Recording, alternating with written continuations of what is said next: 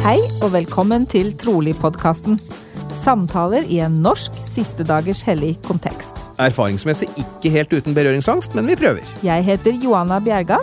Og jeg heter Dan Rikard Hagen. Her i Trolig-podkasten snakker vi med hverandre og med gjestene våre om deres trosreiser og tvilsreiser og andre temaer vi er opptatt av. Målet vårt med denne podkasten er å skape et rom med takhøyde og plass til alle. Fordi alles historie fortjener å bli hørt, og fordi vi mener at det er mer enn én måte å være en siste dagers hellig på. Vi minner om at det som deles her er våre og våre gjesters personlige erfaringer og meninger. Og at podkasten ikke er i regi av Jesu Kristi kirke av Siste dagers hellige. Men for ordens skyld, både Dan Rikard og jeg er aktive troende medlemmer av kirken, og podkasten vil reflektere det. Da kjører vi ny episode.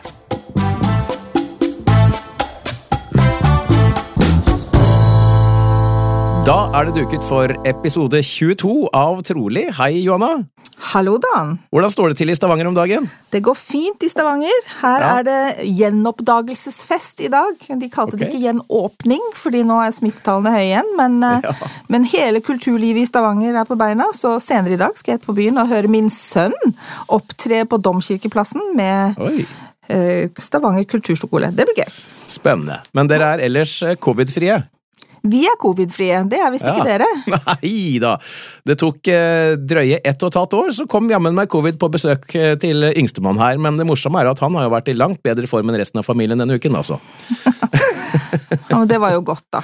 I hvert Så vi fikk vel en eh, heldig variant sånn sett. Men Mm. nok om det, og mer om noe helt annet. eh, og da skal vi eh, Altså, det er jo ikke noe problem for deg, men da er det jeg da som skal prøve meg med min perfekte engelsk i en snau time fremover. And say welcome to Jessica. Thank you guys so much for having me. This is so sweet of you. Yeah, we have been looking forward to this. Um, uh, Joanna found you in some way. Joanna, probably you can tell us the story.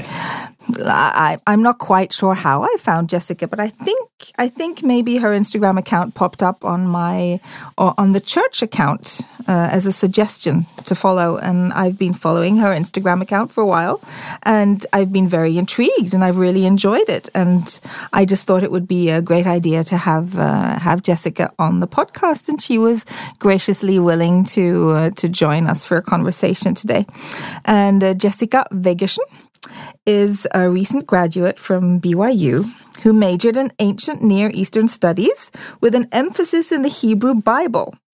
And she has founded um, Milkmaid's Honey to be an online community devoted to the study of the scriptures from a woman's point of view.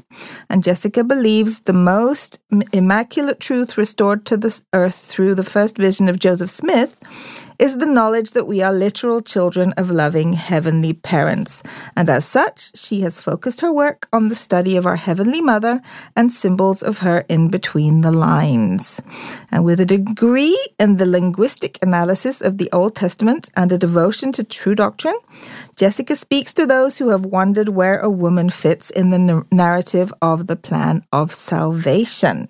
So, this should be an interesting uh, conversation. But first, we'd like to get to know Jessica a little better because basically, apart from her being married to a Vegashan, I know pretty much nothing about her other than what I just read out to you. So, Jessica, who are you? Oh, well, I am an American girl who served her mission in Poland. And I completed my degree at BYU, not just in ancient Near Eastern studies, but also in communications. Um, so I'm really passionate about journalism, about world events, about the things that are going on currently as well as anciently. And I love just getting to know what people care about and what people talk about these days. And I always want to be a part of the conversation and a part of the solution to the things that I care about in the world. How did you end up in Norway? So, my husband grew up here and uh, was born and raised in Norway. And so we came to finish his education. And he was so sweet. He sacrificed so much to come to America for me when we were first married so that I could finish my degree. And that was so meaningful to me because that was such a huge step for him. So I've come over here as well. And I think it's really important when you're married that you've got to go where the best opportunities are, of course, but you also have to make the make the sacrifice for each other. And I'm glad we both got a chance to do that. By the way, are we in Drammen now? Uh, nearby, yeah. Okay, okay. Because uh, I believe the Vegersons family is from Drammen, right? Mm -hmm. And they're not very few either. Mm -hmm. so you married into a big family? Yes, I did. Do you come from a, a big family yourself? Yeah, I would say so. I am one of six kids. So that's pretty yeah, big. That is pretty big. Yeah. And have you been a member of the church your whole life? Yes, I have. I'm so lucky. My parents met actually in high school, and my dad was not a member. And my dad came from kind of a bit of a rough background, and he met my mom in a chemistry class. And they started dating and obviously have been together ever since. But she was really influential in bringing him to the church. And it was a beautiful part of their love story. And so um, my dad's conversion has been really the foundation of our family. So we have a really beautiful atmosphere, I think, in my family of talking about the gospel, of being really devoted to the light that it brings us. And it's it's a part of my story as much as my parents. So grateful for that. So, did he join the church uh, before or after the children came? Before. So, when he was 17 years old, and even like took the big leap to serve a mission, which I don't like. If I had just converted to the church, I don't know, I might have been afraid of that, but he he did it. Wow, it's amazing. Yeah, indeed. That's a lovely story. So, what influenced you? What made you decide to serve a mission? Because even though more and more of the young women of the church seem to be willing to do that, um, it's not. It's still not the majority. But but you did. Yes, I did. So I wouldn't necessarily say that I've always had a passion for teaching, um, I never thought of myself as somebody who would be interested in like teaching high school or things like that. But I have always been passionate about understanding the gospel and the scriptures. And I've always wanted to share that. And I thought that a mission was the most beautiful opportunity to share things with people who were wanting to know and who were willing. And I had the example of my dad and I had the example of an older sister. And I knew that when the age change happened, it was such a momentous moment for me. Because if I had never served my mission, I never would have met my husband. And it was just, it was a real miracle, I think, that we met on our missions in Poland. And the timing was just perfect that we would meet. It was a beautiful experience for me. And it's just something I'll cherish the rest of my life, mainly for the way that it brought me closer to Christ. Um, and I think that that's what missions are for. It's not really about the response you get. Mm, true. So, uh, so your husband Joel, he also uh, went on a mission to Poland. He did, yeah. Okay, I see. So you met there. Yeah. Ah, cool. Yeah, it was really sweet. Yeah. So is Polish like the language you communicate in, or did that very quickly veer over to English? No, I mean, we can make jokes in Polish. And what's special to me is that we have shared experiences that we can always talk about. And I never have to explain, oh, so this was a situation I was in that like really influenced my life. He was right there with me. And so we really lean on each other for those shared memories and lessons learned. But no, I, I would never really revert to Polish to speak to somebody if I wanted to speak with my heart, you know? well, you have one advantage though. When uh, uh, do you have children yet? Yeah. Okay, so so I mean, when uh, when you need to talk about something they shouldn't understand, then you can communicate with each other in Polish, right? Brilliant, brilliant. Yeah. Yeah. Uh, so is she bilingual or is she too small to be talking yet? She's a, she's still a little bit small to be talking, but yes, she is bilingual. And my husband predominantly speaks Norwegian to her, as I speak English to her, and she's doing great. And how old is she? She's two years old. Oh, great. Okay, so uh, you went on a mission to Poland. Uh, both of you did. What happened after? So I went back to school, and my husband started working here in Norway and also started school. And we kept in contact for what was it, two years after our mission, and kind of dated long distance on and off until we were really sure, had experiences, and we're like, okay, yeah, I pick you. wow. Yeah. Uh, is is that too personal to ask when you say you had experiences? Oh, I don't think it's too personal. You know, you date around to really explore your options. I think it's wise to. I, I think that it's good to take your time to really know yourself. I traveled the world, which is something I'm really grateful that I did because I never would have had those opportunities had I jumped into marriage immediately. And I got to go visit the Middle East and be a part of an archaeological project that now means a lot to me from the things that I finished with my degree. And Joel got to have wonderful time with his family. He got to have good experiences dating other people. He learned a lot of lessons. And I'm grateful for that because all of those things that we learned when we were still figuring out if we really wanted each other, all of those things help us now. And it's always good to, you know, figure out more about yourself. Mm. And how long have you been married now? We've been married for three years. Yes, I'm sorry. I was hesitant. The pandemic has too kind early of like to hesitate. My, I think my brain, but yeah, three years. Okay. three years.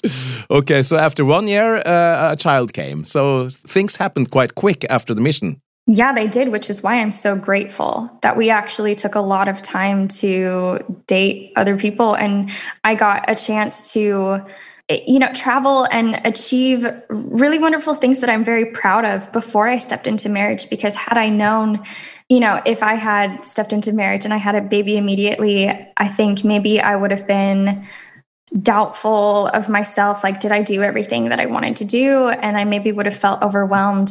You know, eh, my daughter, now that she's here, she is my world, and my life is devoted to her life.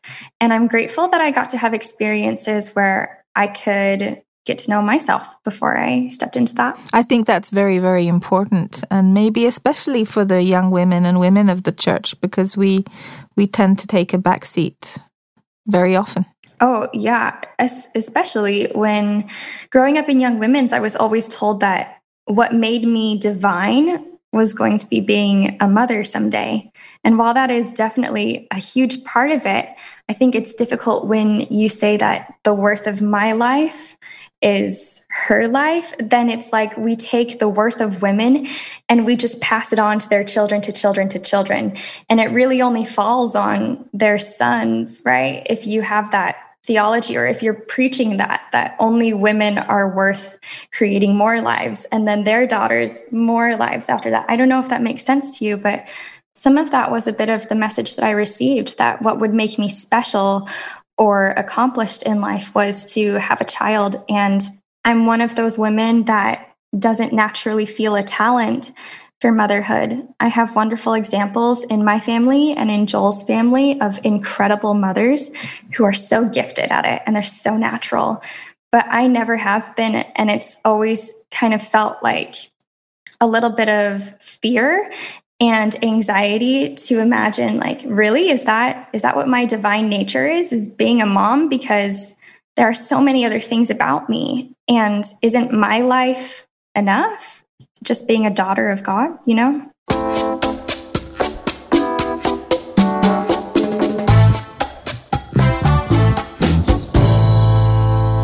So, this kind of segues really well into what we would like to talk to you about today, which is your project. I'm not quite sure what to call it channel, project, uh, online space, online community, Milkmaids Honey. Maybe we can talk about, uh, tell us, tell us why you started started it and why you chose the name Milkmaids Honey. Yeah, totally. So I I'll tell you that I picked the name because I knew that I wanted to be sharing the best things that I'd learned about the Hebrew Bible in a space that was safe. I feel like I am a bridge between the scholarly world that really takes testimony out of everything and just looks at things objectively, and uh, as well as a bridge between Sunday school, right? Where we can share our testimonies.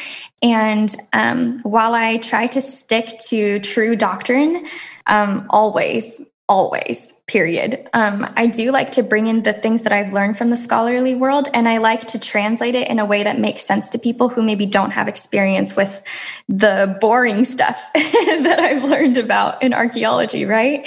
And so i try my best to to be that bridge and particularly to women. And so i picked the name milkmaids, honey, because we talk about the promised land in the scriptures being a place of milk and honey.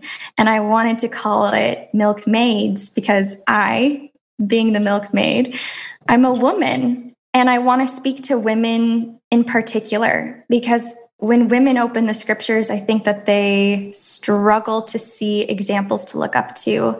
And there's a lot of emphasis on the men of the scriptures. And I just wanted to show that we are all children of God. And I wanted to help them have growth to their testimony. I want to help bring people to Christ. I want to help bring people to true doctrine and have a stronger testimony in the prophets and the apostles that's my goal.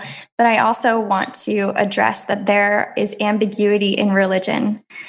And religion can cause a lot of pain. And I'm not here to invalidate anybody's experience if they've had a crisis of faith or if they've struggled with it. I'm really just here to share the things that mean a lot to me. And if somebody wants to come and they want to find healing and they want to feel like they can bridge their own ambiguity or the things that don't make sense to them or the questions they still haven't answered you know I, I wanted to be a space for that that helps people who maybe have one foot out the door that want to leave the church i, I want to give them a reason to stay hmm. Can we go back uh, to to seconds here because uh, I never thought about that actually. What you just told uh, us about the scriptures, of course, uh, talks a lot about men. Yeah, uh, and that that might cause some kind of trouble for women. I never thought about that. How can you, or do you have any examples um, in how to? incorporate women more? oh, totally. So it first starts with Eve. You know, she's the first woman that's ever talked about. And often, you know, we we glance or sorry, we glaze over the fact that she is the main character of the Garden of Eden account. The entire time in Genesis chapter 3, she's she's the main character. She in every verse is the one that's like driving the action that happens. And yet we always paint her in such a negative light and so, one of the things that I do is I try to take that and analyze it. And every theory is on the table for debate. I'm okay if people want to say that Eve was a villain, but she certainly was a, a really important character. And I like to believe that she was a hero. And I like to believe that she knowingly made a really brave and a really good decision. And I like to flip the narrative on its head because everything that the Hebrew language teaches me about these experiences teaches me that we have really misinterpreted this because it's mainly been men who've been leading the interpretation and they've been very cruel to her. So I try to give her a better depiction and a better chance. And I like talking about her and other women and their influence in the scriptures. Um, every single woman that appears has a really incredible story to tell, and you'd be surprised you'd really be surprised the depth you can learn about them. I was uh, actually just the other day listening to a podcast episode about, um, I think it was with Joseph Spencer. He's uh, written a book about uh, the theology of the Book of Mormon. And he mentioned that if you look closely, the the women who are named in the Book of Mormon were all Lamanite women. I never even thought about that before. Yeah, That's amazing. Yeah, a, a, apart from from Sarah Lehi's Lehi's yeah. wife, and um, and also that the the narrative in the Book of Mormon, if you look closely, you see how um, the Lamanites actually treated the women better than the Nephites did. And that we could actually look at the Book of Mormon narrative as a a warning about treating women badly that if you do, then the whole Nephite nation or Nephite people would be destroyed, and they were. so that the, the whole Book of Mormon narrative was actually a cautionary tale about treating and uh, and treating the women badly. That would be so incredible. The next time that I read the Book of Mormon all the way through, I would love to go in with the intention of like trying to figure that out like myself and take a look and highlight those instances because already I can think of, you know, the scripture in Jacob 2. Sometimes we read that as like a reference to like polygamy, but there's the most beautiful statement that's made by God, just a few verses down from those that we usually refer to. And it says, I will not suffer, saith the Lord, that the cries of the daughters, my daughters, shall come up to me. And it, it's actually really empowering to women. And even Second Nephi talks about how God doesn't deny anybody to come to him, and they're all equal to him men and women, black and white, bond and free. And so I think that's such an incredible lens to look at through the Book of Mormon. And I'm really excited to read it next time and look for those clues. That's amazing. Mm. It was a, it was a completely new thought to me, and I, I really liked it. And it was exactly in conjunction with Jacob too, and and talking about polygamy and one night, you know, one man, one wife, and the mm. the whole rigmarole around that. But yes, uh, more. Uh, let's uh, talk more about um, the concept of the female divine. Um, Zion and the tree of life and all that good stuff. yeah. Yeah. Um, so, our Heavenly Mother, there are a few fundamental things that we know about her. Number one, we know that she exists.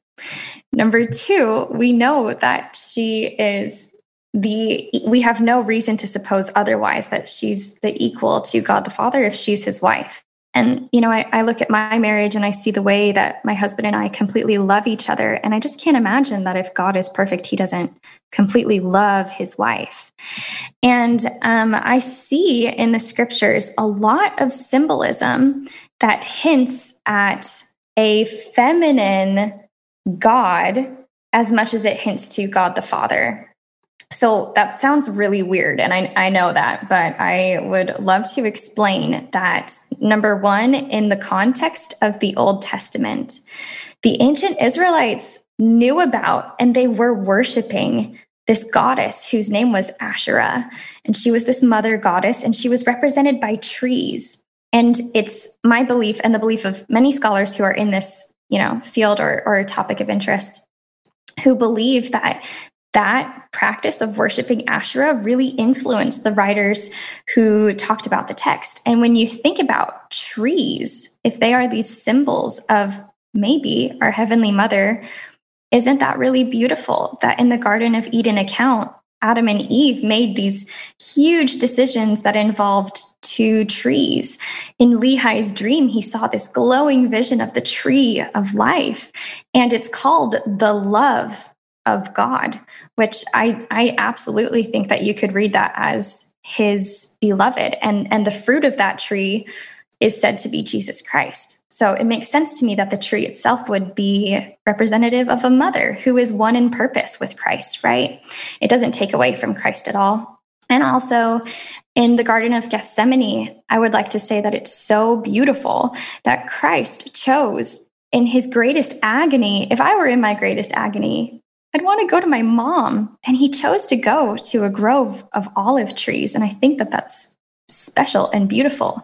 And even when he was on the cross, that piece of wood was a tree that was holding him at his death. And I do believe that that is a nod to the Asherah cult because it was that widely popular. That symbol of a tree and like a mother goddess would have been like an instant recognition to ancient Israelites.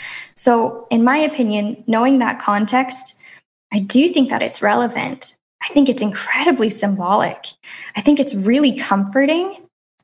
And um, those are the kind of symbols that I like to look for and say, is it possible that our heavenly mother could have been a part of this. And i'm okay if if not. I just like to have it on the table for debate and discussion and just food for thought. Mm. uh, just a question. Uh, you started the um, this by saying that we know that our heavenly mother exists. Uh, as far as i know we are the only ones who believe in a heavenly mother aren't we in the christian world uh, and some of them will probably say, "Oh, and where? Uh, how do you know that?" What what what would be your response then? So that's really interesting. But actually, I would say that the the majority of the world religions throughout all of the history of the world, particularly anciently, there has always been this imagination or incorporation of a mother goddess. So it's actually, you know, if if we want to say that modern Christians just absolutely would reject the idea, I would say that they're kind of the odd ones out when it comes to the majority of world religions. And and and just like dating back to the beginning of time, the ways that a mother goddess has always been involved or depicted. Um, but to other Christians, I think it's interesting to note that one of the leading scholars in this work is a woman named Margaret Barker. She's not a member of our church, but she believes in a heavenly mother and she writes extensively and really beautifully about this idea of a heavenly mother. So she's a great resource, you know. And um, a lot of LDS scholars really respect her work. Um, I think it's always good to take it with a grain of salt and just consider it. But she is someone who's outside of our faith who loves to contribute to this based on the things that she's learned from her own studies in Hebrew and archaeology. And another person is a man named William Dever. He is one of the world's leading scholars of like what we consider biblical archaeology. And he wrote a book called Did God Have a Wife? And this man is seriously so respectable in my field of study and the fact that he is writing based on the things that he found in archaeology and he's not a member of our faith either.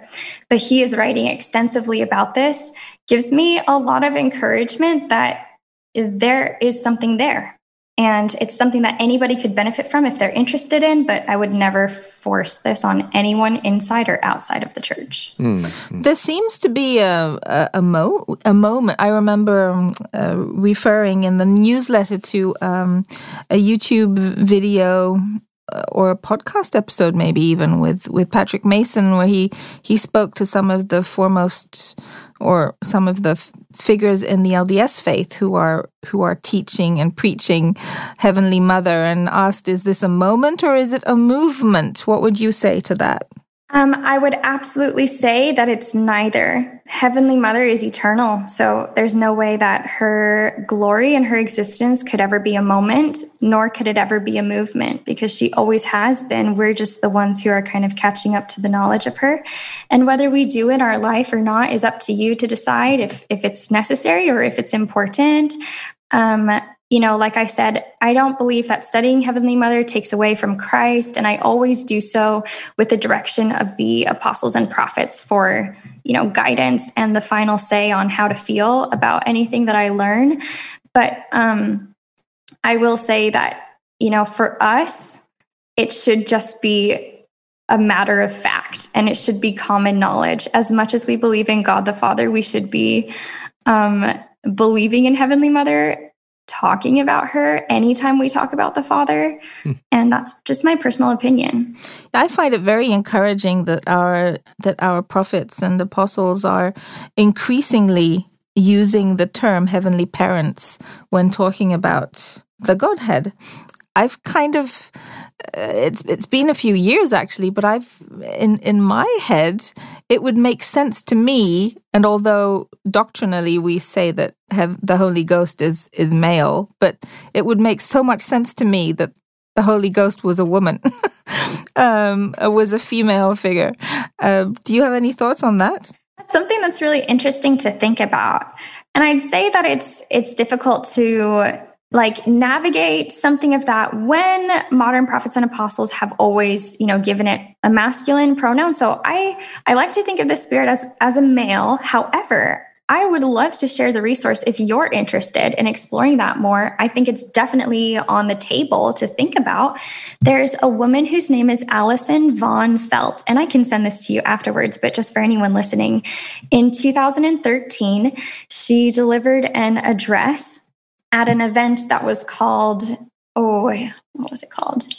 Something like the Mother in the Temple. I forget the name of the event, but she wrote a paper that's called Wisdom in Restoration Scripture.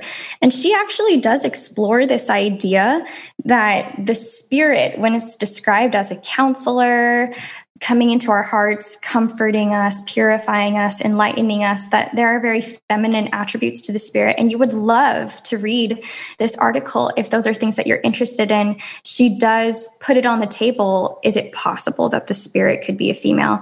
And while I personally Um, I personally don't necessarily look at the spirit as a woman. I think it's great to read about those theories. The other way of seeing it is just that, you know, that Godhead or God, which should be God's, um, if it's heavenly parents, that they both have, you know, both the male and the feminine attributes.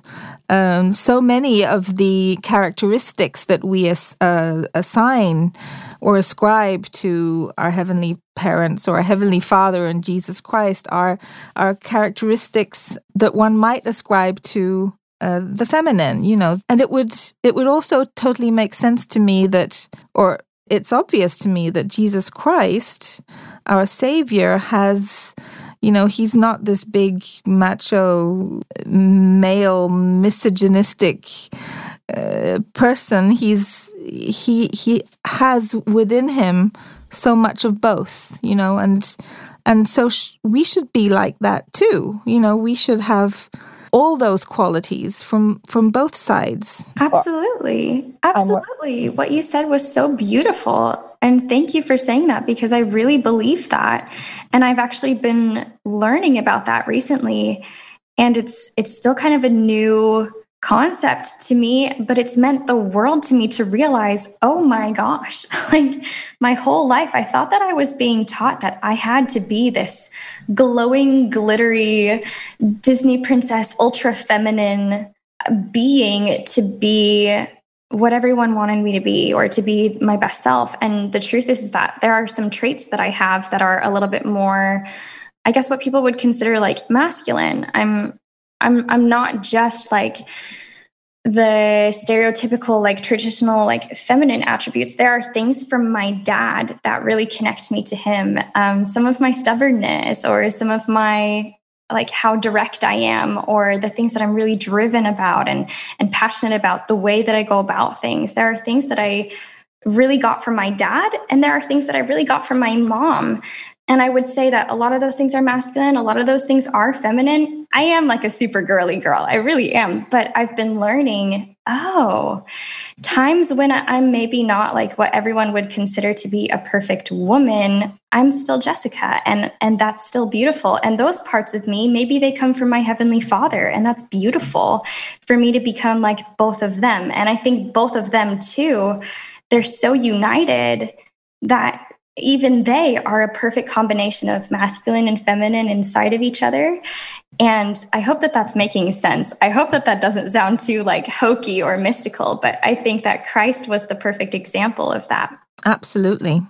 Of of of you know and of complementary characteristics i guess that we need and that that i think we need demonstrated in our not in just us as individuals but also in our communities in our in the church in yeah in, in society. We need we need both. And it's not binary either. It's not black and white. It's it's a whole spectrum. Yeah, I think that the most important thing for us, if we want to become like God, I would say that learning about Heavenly Mother is not necessarily all about learning about, ooh, this super ultra feminine goddess who we envision to be like just like constantly bearing children or constantly baking cook you know what I mean? Like she's not the stereotypical ultra feminine. She is who she is. And I think that if we're going to learn about Heavenly Mother, we have to be open minded to you know changing our idea of what does it traditionally mean to be the embodiment of femininity and to learn more about ourselves i really think that we have to know both our heavenly father and our heavenly mother and it's it's the same way in this earth life. I i, I am a woman and if i'm going to learn everything that i need to know about who i should emulate and who i should become of course i learned that from christ. But i learned that from christ because he perfectly embodied both masculinity and femininity and i think he got those from both of his heavenly parents. And so that's what drives me to be curious. I would really love to know about my heavenly mother you know we we record these uh, on zoom so that we can see each other when we're talking and and so, sometimes Dan just looks completely mind blown. And I think this is one of those times where he's just like, oh my goodness, what was that? no, am I right or am I right? I find this very interesting. I, am actually still thinking about the former question I had about uh, the scriptures being so masculine. And that I, I, I, I, noticed when I said that that you were laughing or uh, yeah right you see you see? Like you see yeah you're but, you're but, well yeah you're a forty something plus white guy yep. you know of course I know. of course you would read the scriptures and never think that oh oh yeah there isn't a lot of there aren't a lot of women in there or with female perspectives yeah but but uh, what i would like to know uh, since uh, jessica you're kind of building a community around this uh, so to say. Uh, do you do you see that that it's a problem? Does it causes problems that the, the scriptures are so uh, masculine? Oh, well, yeah, I would say that the majority of my friendships as a 26 year old that I'm still in contact with in the States, sometimes it makes me feel sad. Um, but, you know, everybody needs to make like their choices and they need to they need to do what's right for them but a, a, lot of them have left the church and sometimes it makes me sad because that was the bond that we shared and sometimes i'm scared like oh like am, can i still share my faith with you and my goal is never to encourage women to be upset my goal is never to encourage anyone to look at the scriptures and be mad that women aren't there. My goal is to say, actually, I think they've always been there. And let's try one more time. Let's look again. Mm. And this time, let me, a woman who has a degree in this field, who has some credibility, let me try to, to breathe some life and some femininity in the scriptures so that you can see yourself here. And um, I, I don't think that it takes away at all from you know the the wonderful and incredible examples of men in the scriptures nor does it take away from Christ or our heavenly Father but I just think that it adds so many more colors to what's a beautiful tapestry already and my goal is to help those women to find some sort of healing because when people tell them yeah like this whole world started because Eve was bad she was just inherently wicked and she made a horrible decision and was tempted. What that tells women, these little girls who are sitting in their Sunday schools, is I'm bad. I need to just listen to men to tell me what to do because they're inherently more righteous than me or have a better connection with God. And um, as a 26 year old, I will say that I have also seen a lot of marriages where couples kind of act like that and women feel insecure and men feel like they have some kind of spiritual authority over their wives. And i i my heart breaks for that because it should be equal playing field. And it is so not the gospel. Yeah. it's it's so uh, traditions of men because the gospel really really teaches equality and fairness and grace on both sides yeah and i i can't tell you how many women I get a I get a lot of messages every day. I don't have that massive of a following right now, but for the followers that I do have, I get a lot of messages from these individual women weeping and crying because they have never imagined their heavenly mother. And i just need i need people i need men to see the humanity in this. I need you to imagine yourself as a young person growing up in a household with only your dad. And you're you're you have an opportunity to find your mom your real mom who she is. And you're told that you you just don't need to do that or you just don't need to know that, even though there's no reason why you should be withheld from her. And to me, that's just heartbreaking to imagine that we talk so much about families and the great plan of happiness, and we would neglect our Heavenly Mother this much. Like, there's no paintings of her, there's no songs about her. There's like, we just, anytime we talk about the Father, we should just try to say Heavenly Parents because they're united as a couple. So, yes, it is really hurtful to women and it's like almost shocking for them a lot of times when they look at Eve again and they look at it with a new eye and they say, oh my gosh, I didn't realize actually it sounds more like this instead of what that guy was telling me. When they learn about Heavenly Mother too, it's also always like this shock of, oh my gosh, I never knew just how relevant she actually is in the scriptures. And it's beautiful. Are we are we kind of saying that in church maybe earlier that we taught that uh, Eve was wicked? I think actually in our in our tradition we don't. That's one of the things that take puts us apart from most of the Christian world around us is because we say that Eve was not evil. Eve was making a conscious choice. She was using her agency and and she was doing what had to be done.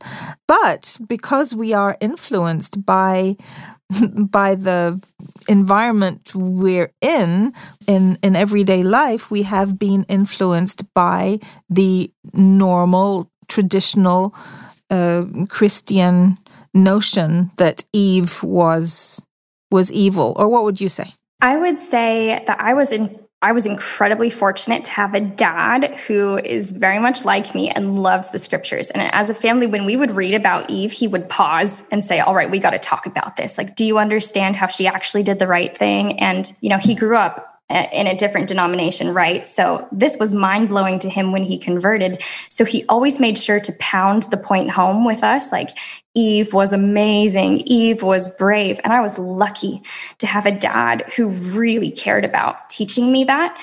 But yeah, I will say that many of the people that I've talked to in the church, they sort of understand that it was necessary, but they still don't have a favorable opinion of Eve. And I will especially say that certain like ways that people used to walk away from the temple, I think they misunderstood. And um, they felt like women were lesser or inferior to men.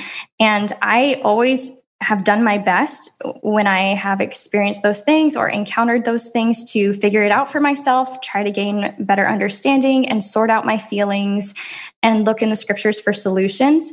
But there are so many women who just don't know what to do with those feelings and they're surprised and they're confused and they don't understand and it doesn't come as quickly to them. And also there are men in their lives. I i, I have a woman who i really respect um, who reached out to me in my dms a few months ago who told me that her husband for like the 20 years that they've been married, he literally told her, You can't ever tell me anything about the gospel or what to do because I know because of the temple and because you married me that I'm the only one who speaks for God. And it broke my heart because that's so, it's so wrong. And how is it possible that certain people can still teach that when, yeah, you're right. The prophets and apostles have taught us that Eve was great. So, really, all that I try to do is reinforce what the prophets and apostles have taught, but I try to target those women who are like really confused about it and haven't grown up with that message. Mm. And I think I would say go back to the temple. Go back because they've changed the wording. They've changed quite a few things, especially pertaining to the role of women and the equality between men and women.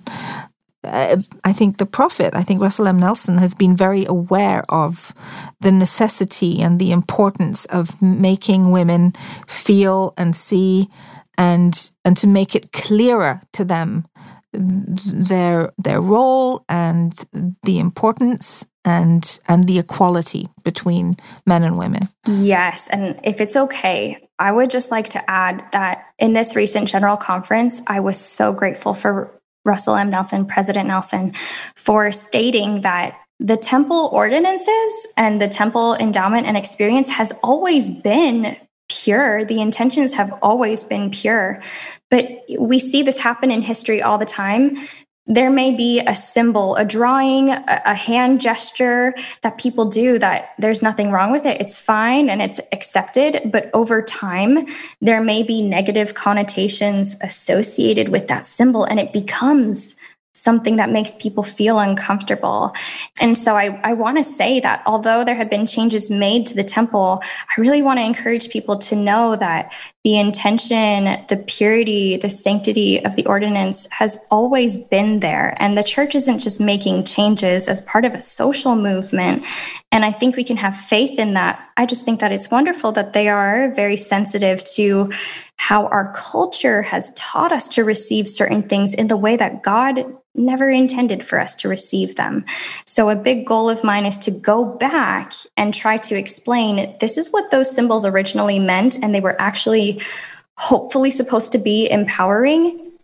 But I'm so grateful for a very sensitive and kind prophet who is also trying to maintain the dignity of the endowment while understanding cultural influence. I guess the veil is a really good example of that.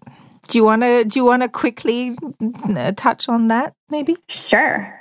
So, as a woman, if you can imagine, you know, obviously Dan, you've never had to do this but if you can imagine as a woman and you're going through the temple your first time and you know even even like in a marriage ceremony just like commonly that people do to wear a veil over your face i think the first thing that we think of is a woman who's oppressed or like and and it's just a knee jerk reaction we think of someone who is being hidden from everybody else because she's not supposed to be seen or she's not like worthy of being in the room.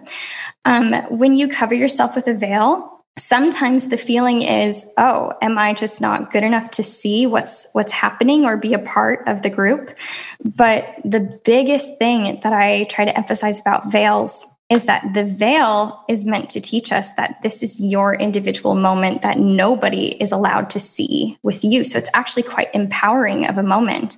And we know in the scriptures that Moses himself, when he came down from Sinai, he had a veil over his face because he was shining so much. And it was the people who weren't worthy to see this really beautiful and personal experience he was having with God. So he was veiled so that he could have this individual experience. And when we are veiled, it's actually really symbolic of being inside your mother's womb and having that over you. It's really symbolic of your nose and your lips and your eyes being close to the veil that covers the earth and separates us from our heavenly parents and our memory of them.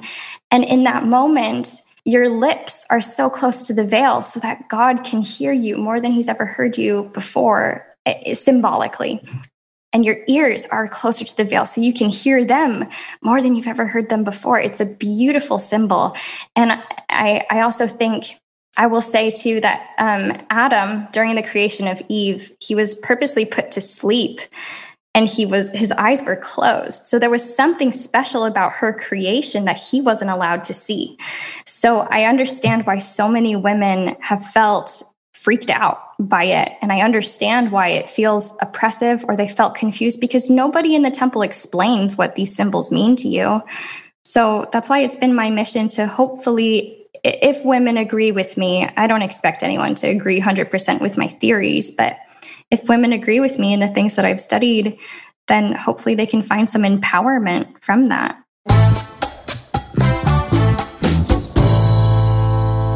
Du hører på podkasten Trolig med Johanna og Dan, i dag med besøk da, altså av Jessica Weggerson.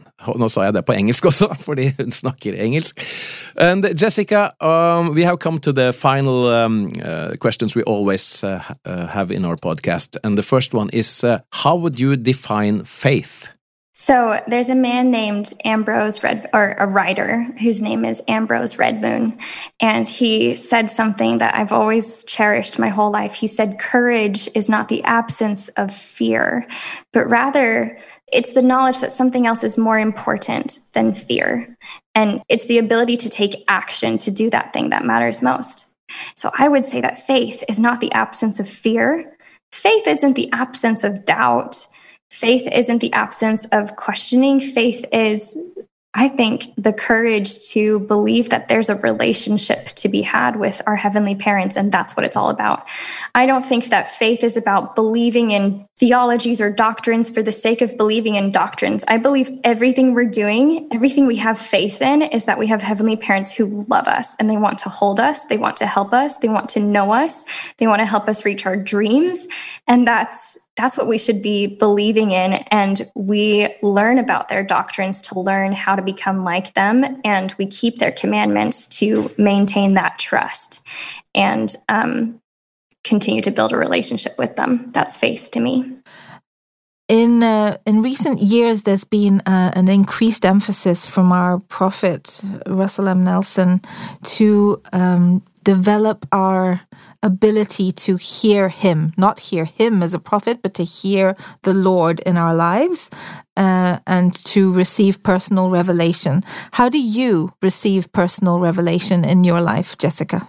So, key to receiving personal revelation, I think, is having a foundation of knowing modern revelation and the past revelation. So, by that, I mean, if you want to receive personal revelation, you have to have a foundational knowledge of well, what what would the prophet kind of guide you on in this issue? What what has the prophet said about it? And also, you need to explore the scriptures because you need to know about God and who He is and how to reach Him before you can receive that. So, oftentimes, I find that when I receive personal revelation, it calls my mind to, oh, do you remember that place in the scriptures? I think that there's something for you there. Go back and look at that. And that really helps me. Um, but I will say that on rarer occasions, there are very special moments when I pray I like to say a very heartfelt prayer and share all of my feelings.